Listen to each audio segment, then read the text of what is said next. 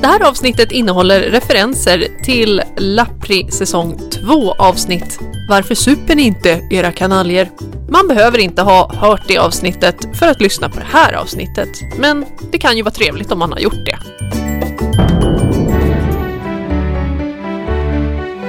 Lappri! En podd om historiska öden och äventyr. Med Elin och Tove.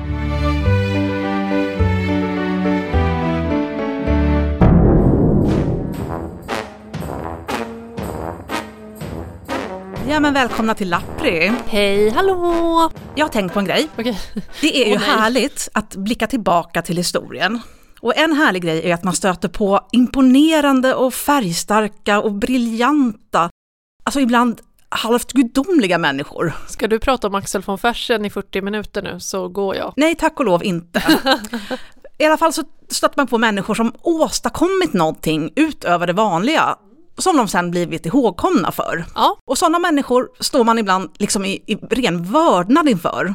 Och kanske ser man också de här människorna som ideal eller åtminstone som väldigt inspirerande personer. Det är dock inte en sån person jag ska prata om idag. nej, okej som vanligt här då. Idag ska vi träffa en av alla dessa människor från det förflutna som jag personligen faktiskt kan identifiera mig med. De misslyckade, eller i alla fall medelmåttiga, mediokra, obetydliga, ofullbordade och ack så snabbt bortglömda. Figurer det aldrig reses monument över, kort sagt. Men som jag förmodligen personligen skulle ha mer gemensamt med över en kopp kaffe än, ja men säg Julius Caesar. Det här, det här låter fantastiskt och eh, ja, jag kan inte annat än att, än att hålla med. Du, vi beger oss till Uppsala. Okej. För handen på hjärtat så har nog den stan sett mer mediokritet än briljans sammantaget.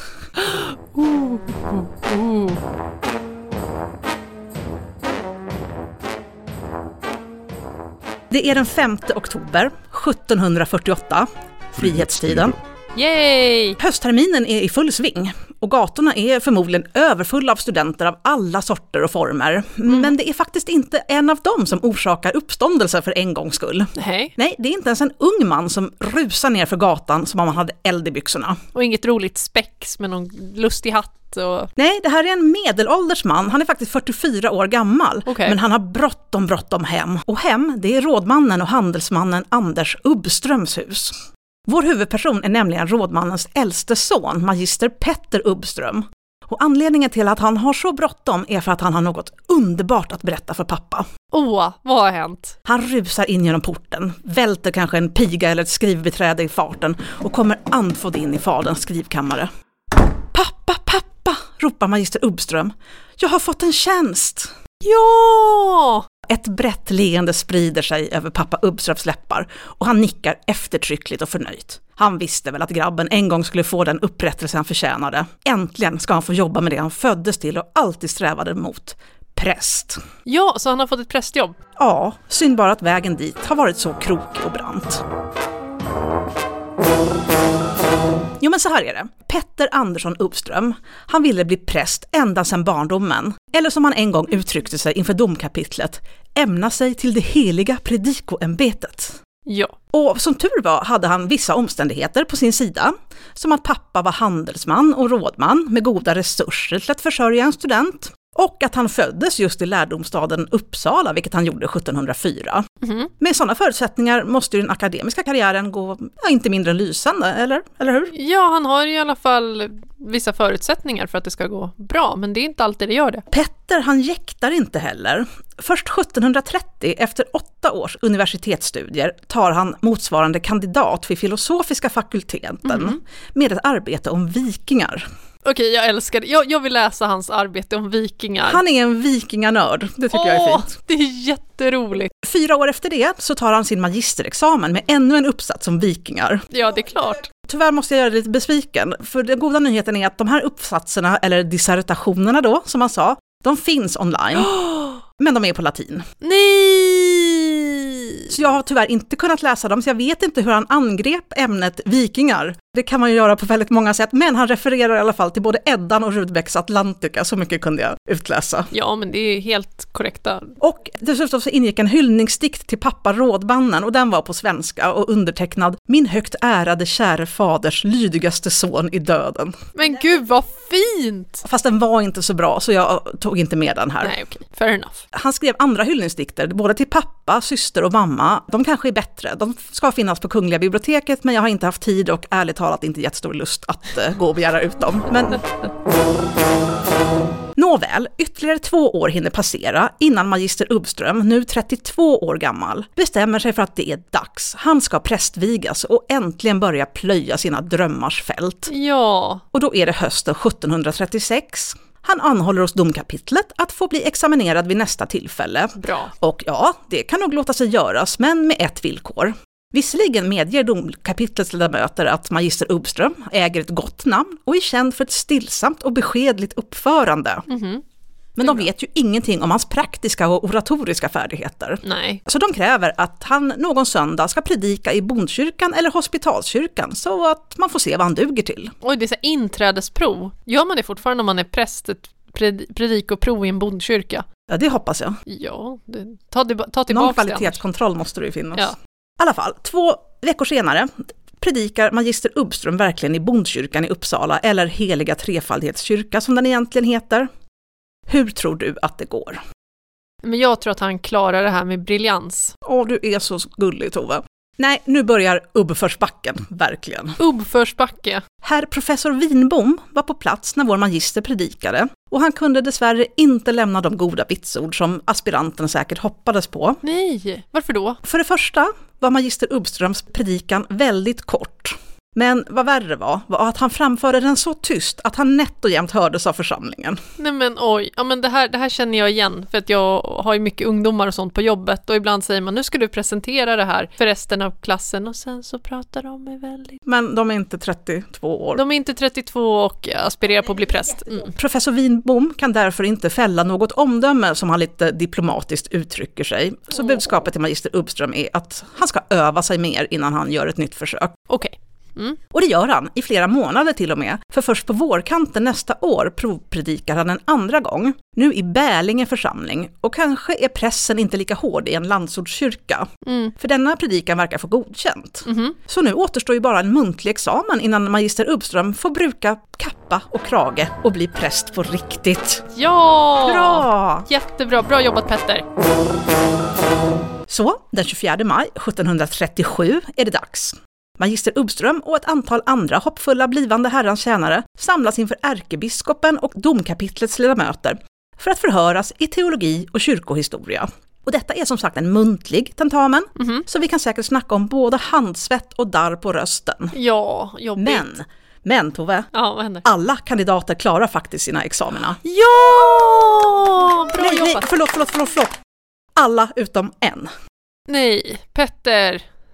Åh, I enrum så måste man berätta för magister Ubbström att han inte kan admitteras och att han nog själv förstår varför. nej. Då han ej till någon del fullgjort av vad honom erfordras. Men vadå, han misslyckades med provet? Eller? Detaljerna är faktiskt ganska knappa här, men uppenbarligen har magister Ubbström gjort ganska uselt ifrån sig, vilket han också är medveten om. Men han försöker förklara. Han hade blivit så starkt altererad när han stigit in i tentasalen och blivit så överhopad att han sig inte kunde utreda och dessutom har mycket svårt för att kunna opprimera sin mening i hur han själv saken nogsamt förstår. Ja, fast det där kan jag faktiskt känna igen. Ibland är det jättejobbigt när någon säger svara på studs om det här och så ska man uttrycka sig. Kan man inte få uttrycka sig i skrift? Ja, jätte, jättejobbigt. Ja, det, det verkar som att magister Uppström lider av förlamande scenskräck och ömtåliga nerver inför muntliga framställningar, Men lilla gubben. vilket kanske inte är alldeles optimalt om man vill bli präst. Nej. Men, Tove, Ja. domkapitlet har faktiskt förståelse för att vissa studenter som magister Uppström behöver extra stöd. Mm. Och man är beredd att ge honom en ny chans. Han får en anpassning alltså. Redan nästa dag ska han bli examinerad ensam, utan andra studenter flåsande i nacken, hemma hos domprosten Celsius. Ja, fast du, du, det här låter mycket värre. Kanske. Hemma hos Celsius. Så hur tror du att det går? Jag, jag tror att han... Jag, jag, jag, jag, jag, jag, jag vill ju att det ska gå bra för Petter, men jag, jag, vet inte om det faktiskt gjorde det. Jag kan väl spoila lite, det här är inte den typen av historia. Nej, det är inget inspirerande. Nej, magister Ubbström befanns ändå mycket svag, så att han dels intet, dels ofullkomligen svarade till det som var och en oundgängligen bör veta och tro. Nej, aj, nej. aj, aj. Oh, så här, ja men lätta frågor och han klarade inte av dem. Nu blir det ett allvarligt samtal med stackars magister Ubbström. Åh, oh, enskilt samtal, okej. Man förklarar för honom att man vet att han studerat flitigt och att han för ett nyktert och skickligt leverne. Men Ja. det räcker inte och man kan inte med gott samvete admittera honom till det heligaste av alla ämbeten. Nej. Nej, i största välmening råder man tvärtom magistern att helt enkelt välja ett annat kall i livet och lägga prästplanerna på hyllan för gott. Ouch. Det här tas inte emot särskilt väl av magister Ubbström. Han försöker ursäkta sig igen med att han blir så nervös vid muntlig examination och begär att professor Winbom examinerar honom igen. Mm. Men detta tackar denne vänligt men bestämt nej till. Mäh. Och läser man lite mellan raderna i protokollet så kan man ana att magister Ubbström får någon typ av hysteriskt sammanbrott här hemma hos domprosten. Nej, men det är klart. Åh, nej, vad jobbigt. Och man ser ingen annan råd än att hämta pappa, som man hoppas kan tala en smula vett i sonen. Jag vet inte om pappa väntade ute i förstugan med ballonger och en miniflaska champagne. Man kanske gjorde det. Nej. Eller om man fick springa hem och hämta honom, men han kommer i alla fall. Pappa. Men om domkapitlet trodde att pappa Ubbström skulle ta deras parti så bedrog de sig rejält. Nej, okej, så hans son är fantastisk och... Pappa, han är på grabbens sida, klart grabben ska bli präst. Han godtar inte domkapitlet som han tycker bortförklaringar till att de inte kan admittera hans son. Nej, pappa Ubbström menar att därtill icke vore giltiga skäl utan andra avsikter, vilket domkapitlet dock avvisar på det starkaste. Mhm. Oj, oj, oj, oj. Och sen gick de och köpte McDonalds hoppas jag. Men du, vad kan pappa Ubbström ha menat med det där andra avsikter? Att de har någonting emot honom personligen. Som de försöker sabotera. Det, det, det är så jag tolkar pappa. Precis, och jag, jag vet inte helt säkert om det ena nödvändigtvis måste ha med det andra att göra. Men under just den här tiden är inte Petter det enda av syskonen Ubbström som pappa har bekymmer med. Mhm. Och då pratar jag särskilt om lilla syster Margareta Kristina, eller Greta-Stina som hon oftare kallas. Okej, vad, vad, vem är hon? Innan vi pratar mer om henne ska vi först prata om en annan person, nämligen Johan Gottschalk Valerius. Okej, ja. Denne man föddes i Stora Melösa i Närke 1709, rakt in i en prästsläkt, men ödet hade helt andra planer för Johan. 1750 blev han Sveriges första professor i kemi, efter en lysande karriär som började med en tjänst som medicine adjunkt redan som 23-åring Oj. vid Lunds universitet. Johan, han är i Uppsala när han får tjänsten 1732 och är för egen del beredd att genast resa och börja sitt nya jobb.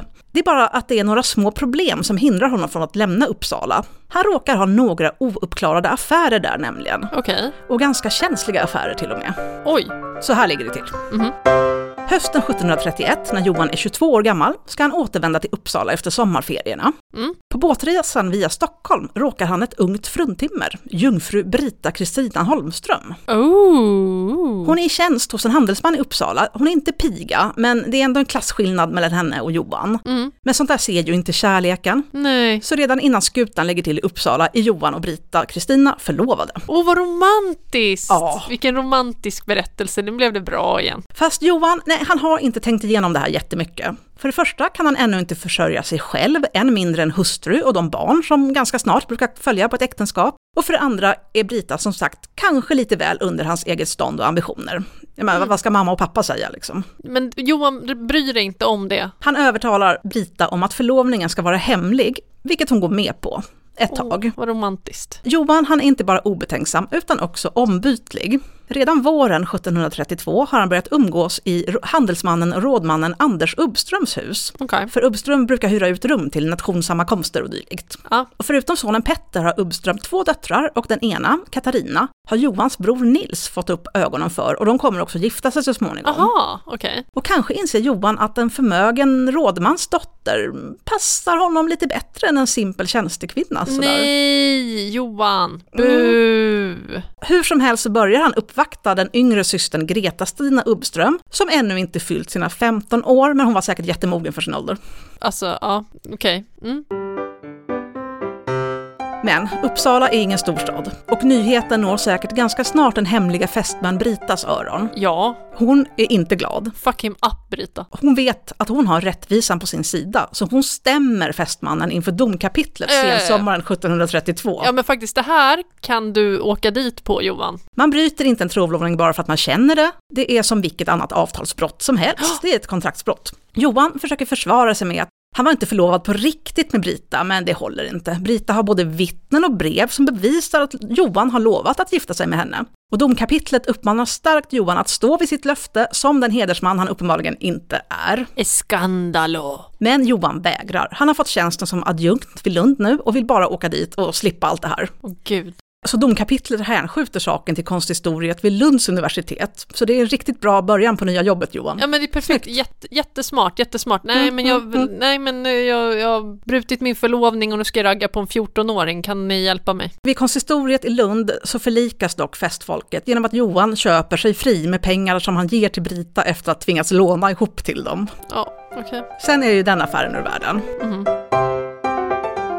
Och kanske borde den ha fått rådman Ubbström och hans dotter att dra öronen åt sig lite grann. Jo. Men nej, Johan och Greta-Stina blir förlovade och Ja, men- inleder ett långdistansförhållande då med Johan i Lund och Greta-Stina i Uppsala. Oj, oj, oj, får de sitta och smsa på natten? Och sådana förhållanden är ju ganska tuffa även under de bästa av omständigheter. Mm. Och som vi alltså redan märkt är Johan något av en hal ål eller kanske en slingrande orm. Nej, nej Johan. Av allt att döma börjar han tröttna på Greta-Stina redan på vårterminen 1733 och har till och med kanske redan en ny fästmö i siktet, i så fall den tredje på två år. Alltså, vad är det? Alltså, ja, fuckboy. Gustavianska fuckboys. Nej, han är inte gustaviansk. Det är en frihet, frihetstid av fuckboys. Han ghostar Greta-Stina och hennes familj, men den här gången kommer han inte så lätt undan. Men äh, nej, då kommer pappa Ubbström. Han kommer cykla till, nej cykel var inte uppfunnen. Och han kommer åka kärra ner till Lund. Det Och, behöver han inte, utan han går precis som Brita Holmström till domkapitlet i Uppsala och stämmer Johan. Oh. Och han passar på att skicka en kopia av stämningen till domkapitlet i Lund också, så att de vet vad som händer. Oj, oj, oj. Lång historia kort så försöker Johan med samma försvar som förra gången. Det var ingen riktig förlovning. Jungfru Ubbström gav aldrig sitt ja. Alla brev han skrev till henne och hennes föräldrar var på skämt. Och så vidare. Ja, det är hans försvar. Så, åh, åh, men åh, gud vilken äcklig människa, förlåt. Men, Ubbström Ja. ger sig inte lika lätt som Jungfru Holmström och efter ett ordentligt trilskande från Johans sida går denne till slut med på att anses som lagligen förlovad med Greta-Stina Ubbström och det förs till protokollet. men nu är frågan så här, pappa Ubbström, vill du ha in honom som svärson? Det är en principsak nu, Nu är det förmodligen. varenda julafton kommer det vara jättemysigt. Det här kommer ju dras upp och det kommer ältas. Men sen försvinner Johan tillbaka till Lund Ja. och han stannar där och på så vis kan han förhala själva giftermålet. Ända fram till 1741, alltså nästan tio år sedan den ursprungliga förlovningen med Greta-Stina. Ja, men hon var 14 då. Så nu är hon väl eh, 23 kanske. Ja, mm. Då får Johan en tjänst i Uppsala, så rävsaxen börjar knipas åt. Yes. Men han lyckas ändå hålla ut till 1743, när han och Greta-Stina äntligen går till prästen. Okej. Så som en kärlekshistoria betraktad, vad, vad, vad får det här i betyg? Oj, eh, det, det här är ju en sån här uh, film som alla tycker är jättebra, men om man lyfter att den är problematisk, då, då, då blir man typ lynchad online. Jag skulle gå och se den i alla fall. I alla Ja. fall om den fanns på Netflix. Ja, men, men som du hör så är det inte så konstigt att rådman Ubbström tycker att allt och alla är emot honom och hans familj. Först lilla Greta-Stina, som 1737 då fortfarande måste vänta i ytterligare sex år på att få gifta sig. Och så ger man sig på stackars Petter också. ja, Men det är inte så mycket någon kan göra och i Nej. ett och ett halvt år slickar magister Ubbström sina sår innan han äntligen ser ett litet ljus i slutet av tunneln. men vad, händer- vad händer nu? Ja. På något sätt, jag har ingen aning hur, har magister Ubbström charmat gamla grevinnan Charlotta Maria Stenbock, som nu vill ha honom som sin nya huspredikant i Stockholm. Ja, okej. Hon kanske gillar korta, tysta predikningar, jag vet inte, men hon skriver i alla fall till domkapitlet hösten 1738 och ber dem att å det snaraste ordinera magister Ubbström till präst, vilket också sker. Okej, så att det var lite, det behövdes lite påtryckning ovanifrån så. Ja, de kanske inte vågar säga nej till grevinnan Stenbock, och så Nej. kanske man tänker att han kan inte göra så jättestor skada i hennes hus. Det är lite det här, Vågar ni säga det här inför grevinnan Stenbock? Ja, Jag vet inte vad hon är kapabel till att göra. inte jag heller. Det låter farligt. Vi får hoppas i alla fall att grevinnan och magister Uppström var nöjda med varandra den korta tid de fick, för redan 1740 går hennes nåd ur tiden och magister Uppström är arbetslös. Nej, men han är präst. Han är präst. Ja. Men jag vet inte om arbetsmarknaden för gröna präster är riktigt usel på 1740-talet eller om magister Uppström har otur eller är kräsen. Ja. För trots att flera anställningar, oftast vikariat förvisso, erbjöds honom med ganska stora mellanrum dröjer det ända till 1748 innan han kniper ett jobb, så han har varit arbetslös i åtta år. Men nu, nu erbjuder domkapitlet honom en tjänst som vice kommunister i en församling och det skulle kunna bli ett långt vikariat. Men det här är jättebra. Så, tillbaka till Uppsala och rådman Uppströms skrivkammare, där magister Uppström står och darrar i kroppen av upphetsning och glädje. Ja. Nå min gosse, var ska du? Undrar ju pappa. Och magistern måste tänka efter lite. Vad hette socknen nu? Han hade faktiskt aldrig hört talas om den och kan inte peka ut den på kartan, men det Nej. gör detsamma. Ja, han har Ett fått jobb! Jobb! Ja, det är ett vikariat förstås, men det kan säkert leda till någonting mer. Jo, Bromma hette Nej, församlingen. nej, nej. Vilket år är det här? Och magister Uppström, Elin, Han ska vikariera för någon som hette. Vintzell, eh, Wicksell, något sånt. Åh nej, nej, nej, nej, stopp Elin! Och han ska börja om bara en vecka. Är det, här fo- det här är en fortsättning på Vigsnä. Åh herre Jesus, okej. Gud. Så, ni som har lyssnat till förra säsongens avsnitt om kommunister Jakob Claesson Wigsnell kanske minns varför det kom sig att Bromma församling behövde en vikarie för sin kommunister, men vi tar en kort repetition. Kyrkoherden i Bromma, Dr. Justus Kristoffer Hauswolf, har blivit ordentligt trött på församlingens supiga kommunister och efter många om och men och tårar, förmaningar och brutna löften har domkapitlet äntligen beslutat att suspendera komminister Wigsnell tills dess att hans många försyndelser blivit utredda av världslig rätt. Under tiden måste en vikarie anställas eftersom Bromma är en så kallad prebendeförsamling till Riddarholms församling och kyrkoherden kan inte sköta båda samtidigt. Och det är alltså här magister Uppström får sin stora chans.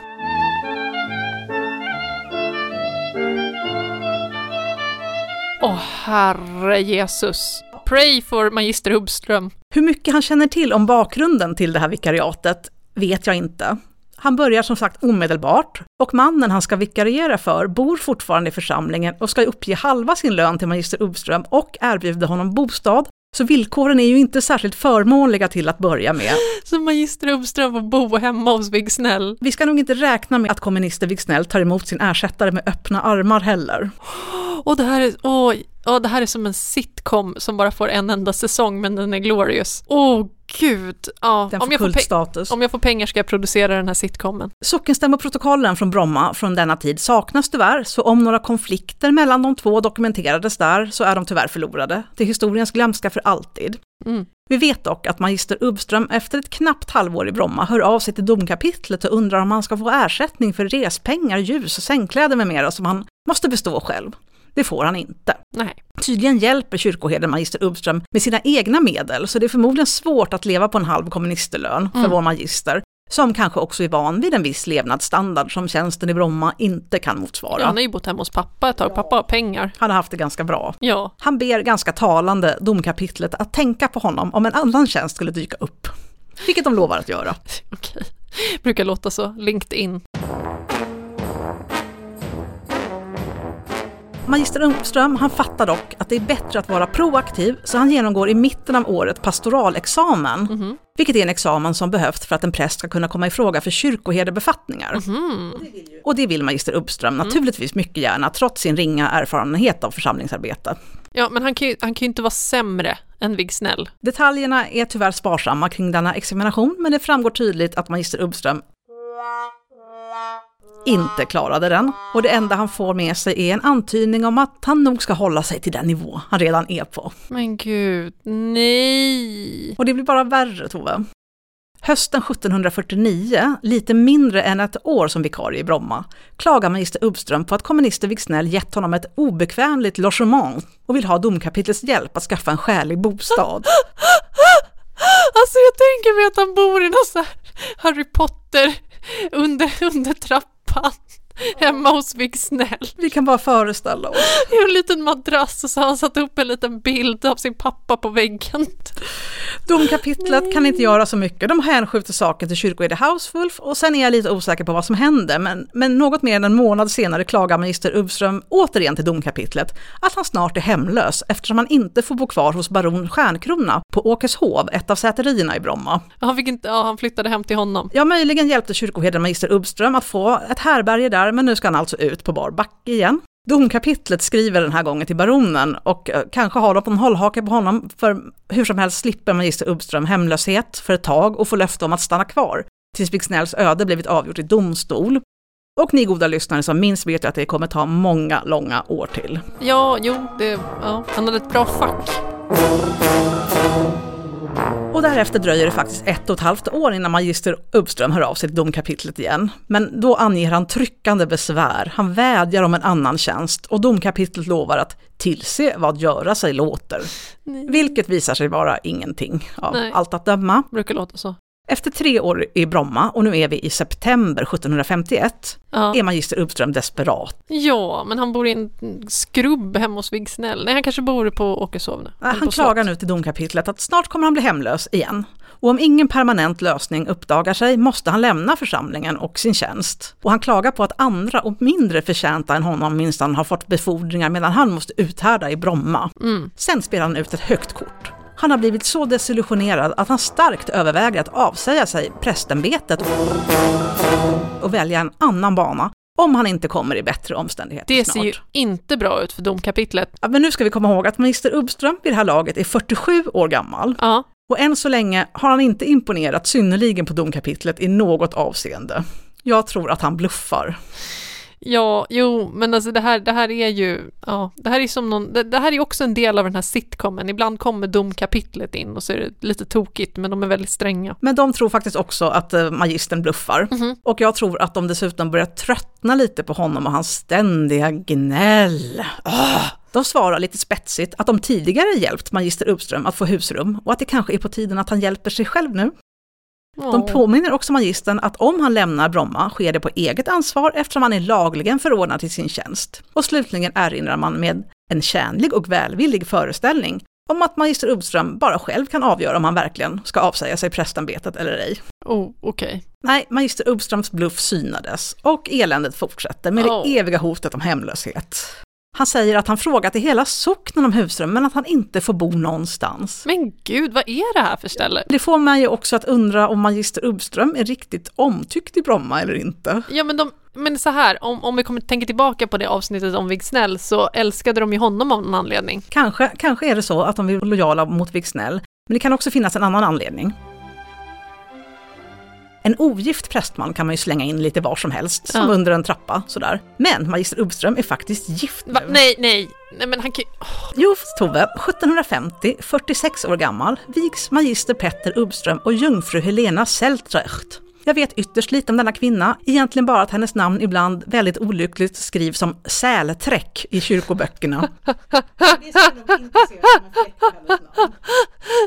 Vi vet i alla fall vad hennes mobbare sa. Det var inget kul på mellanstadiet för henne. Det ska vi nog inte se som en fläck på hennes namn. Hon var säkert en underbar maka och mor och här har vi faktiskt en liten ljusglimt i denna annars rätt dystra historia. Särskilt för er singlar där ute som kanske misströstar om att någonsin hitta kärleken. Jag säger sant. Om magister Ubbström kunde hitta en livsledsagerska så finns det verkligen hopp för alla där ute. Ja. Nåväl, det är säkert tufft att vara hemlös i Bromma med hustru och de små barn som börjar komma. Men har de fått barn också? Ja, det första kom faktiskt bara två månader efter vigseln. Hoppsan så. Och våren 1752, nej, då håller det inte längre. Då verkar familjen Ubbström ha flyttat mellan Åkeshov och Sundbyhov, eller Sundby gård, den nu försvunna gård som Sundbyberg är uppkallat efter. Mhm. Men utan att få ett eget riktigt tak över huvudet. Och kyrkoherde Hauswolf verkar också lite trött på sin hjälplösa vikarierande kommunister vid det här laget. När magister Uppström säger till chefen att han kommer att lämna församlingen eftersom han inte kan få husrum där, skriver doktor Hauswolf helt uppgivet till domkapitlet med begäran om att icke tvingad bliva att ytterligare kännas vid honom. Åh herregud, alltså jag är helt mållös. Icke känner mig... Mm. Så det var nog inget sentimentalt avsked där. Och magister Uppström, Helena och två barn, det yngsta knappt en månad gammal, drar vidare. Familjen hamnar på ett eller annat vis i Ljungskils församling. Vart ligger det? Lite norr om Uppsala, så det är Okej. något av magister Uppströms hemtrakter. Mhm. Han har lyckats få en fast komministertjänst där. Och familjen verkar dessutom ha en fast bostad. Så det är inte under trappen hemma hos Vigsnäll? Nej, den kallas för Stora huset i kyrkoböckerna. Oh. Så äntligen en trygg punkt i tillvaron. Ett stort hus också, det är bra. Bonusar om Ljungskil. Bland de exkursioner eller herbationer som Linnea gjorde med studenterna i trakterna kring Uppsala gjorde sist på säsongen alltid en tur med övernattning. Och den exkursionen började vid Ljungskils kyrka, där studenterna och också Linné, antar jag, inkvarterade i olika gårdar för att få en tidig start nästa morgon. Mm. Så det är ju mer sannolikt än inte att familjen Uppström fick ta emot en drös studenter, eller två. För det Okej. stämmer bra med tiden på 1750-talet här. Ja, men det fick så, och de har stort hus så det går bra. Och den som vill göra samma vandring idag kan göra det. Det finns foldrar att ladda ner och sådär. Oh my god, Lappri roadtrip, Mm. Lappri roadtrip. Och nu kommer äntligen de gyllene åren. Mm. Livet är skönt. Ja. Familjen utökas regelbundet, men det går så bra för man har det gott ställt. Man har fyra hästar med ett par vagnar, sju kor, en skock får, höns, grisar, guld och förgyllt silver, tjänstefolk och dessutom reda pengar på fickan. Ja, men nu har det ju gått bra för magister Uppström. Ja, något av det här välståndet beror visserligen på att den högt ärade käre rådmannen pappa Uppström i Uppsala gick hädan och lämnade ett vackert arv efter Aha, sig. okej. Så. RIP. Vila i frid. Ja. Så slutet gott, allting gott. ja, vad härligt. Nej, men det var väl en jättefint avslut på den här historien.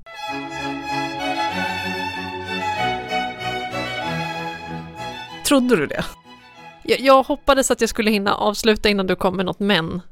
Dessvärre kan det varit så att magister Uppström lärde sig ett eller annat av sin törstige kollega Wicksnell i Nej. Bromma. Nej, men vadå, är han hotfull eller är han, dricker han? Det här är vad protokollen berättar, Okej. eh, så vi får försöka läsa lite mellan raderna kanske. I augusti 1756, då är magister Uppström 52 år gammal, har han blivit stämd inför Ulleråkers häradsting. Okej. Han är anklagad på två punkter och bägge rör gudslånet framför alla andra, brännvinet. Samma år, i maj, infördes nämligen ett tillfälligt men totalt förbud mot husbehovsbränning. Mhm. Och hur spreds information om sådana nya förordningar bäst på 1700-talet? Genom kyrkan? Ja, genom uppläsande i alla landets kyrkor. Ja. Och vems ansvar är det? Magister Uppström? Ja, i Ljungskil var det magister Uppströms ansvar att informera församlingen att nu är det slut med hembränning. Ja. Men det gjorde han tydligen inte. Åtminstone inte i rättan tid. Oh! Och det är givetvis allvarligt i sig. Men förutom det så har han också själv bränt eget brännvin efter att förbudet trätt i kraft. Det är i alla fall vad han är anklagad för. Han har hembränningsmaskin! Mhm. Åh herregud! I augusti ska saken upp till tinget, men magister Uppström kan inte komma på grund av sjukdom. Mm. Så målet skjuts upp till nästa ting.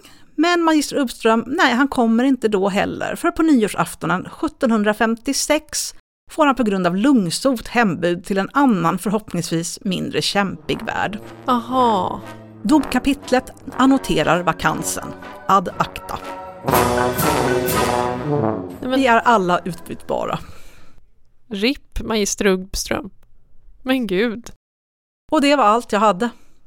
Men det var väl ett, ett intressant människoliv upp och ner. Jag skulle vilja avslutningsvis här utse magister Uppström till skyddshelgon för alla oss som vill men inte kan. Ja Vad men det är du? ju det, nej men det är ju det, han vill ju så gärna. Och han, jag tyckte det var så fint att hans pappa tror på honom så mycket. Jag bad AI att översätta att vilja men inte kunna till latin ifall man skulle vilja ha det som devis på något votivljus eller något sånt där. Ja, Eh, Det blev velle sed non posse, vilket kanske är helt fel, men om det är det så är det nästan bättre om det vore rätt. Jag tycker att det, det passar bra. det, det är det är fel. Det får, helt, det, får, det får jättegärna vara fel. Väl se någon posse. Det var allt. Tack för att ni lyssnade. Ge aldrig upp. Eller gör det, jag vet inte. Ja, hej då! Du har lyssnat på Lappri, en podd om historiska öden och äventyr. Vi som har gjort podden heter Elin och Tove. Du kan följa oss på Instagram på lappripodd, besöka oss på lappripodd.se och lapprimerch.se. Och om vi hade väldigt fel kan du mejla oss på lappripodd@gmail.com.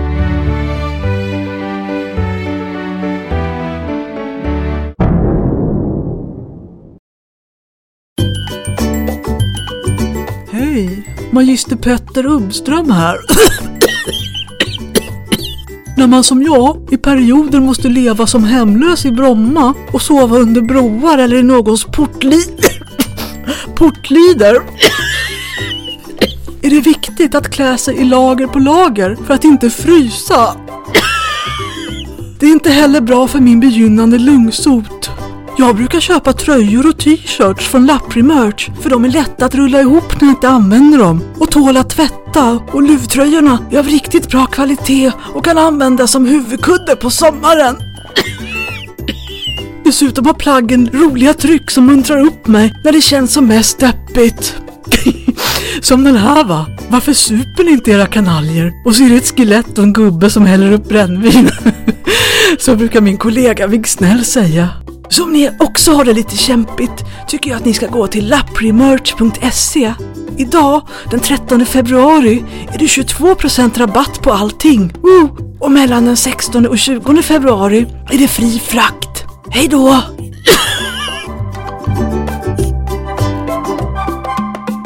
Laprimerch.se, en del av lapripod.se.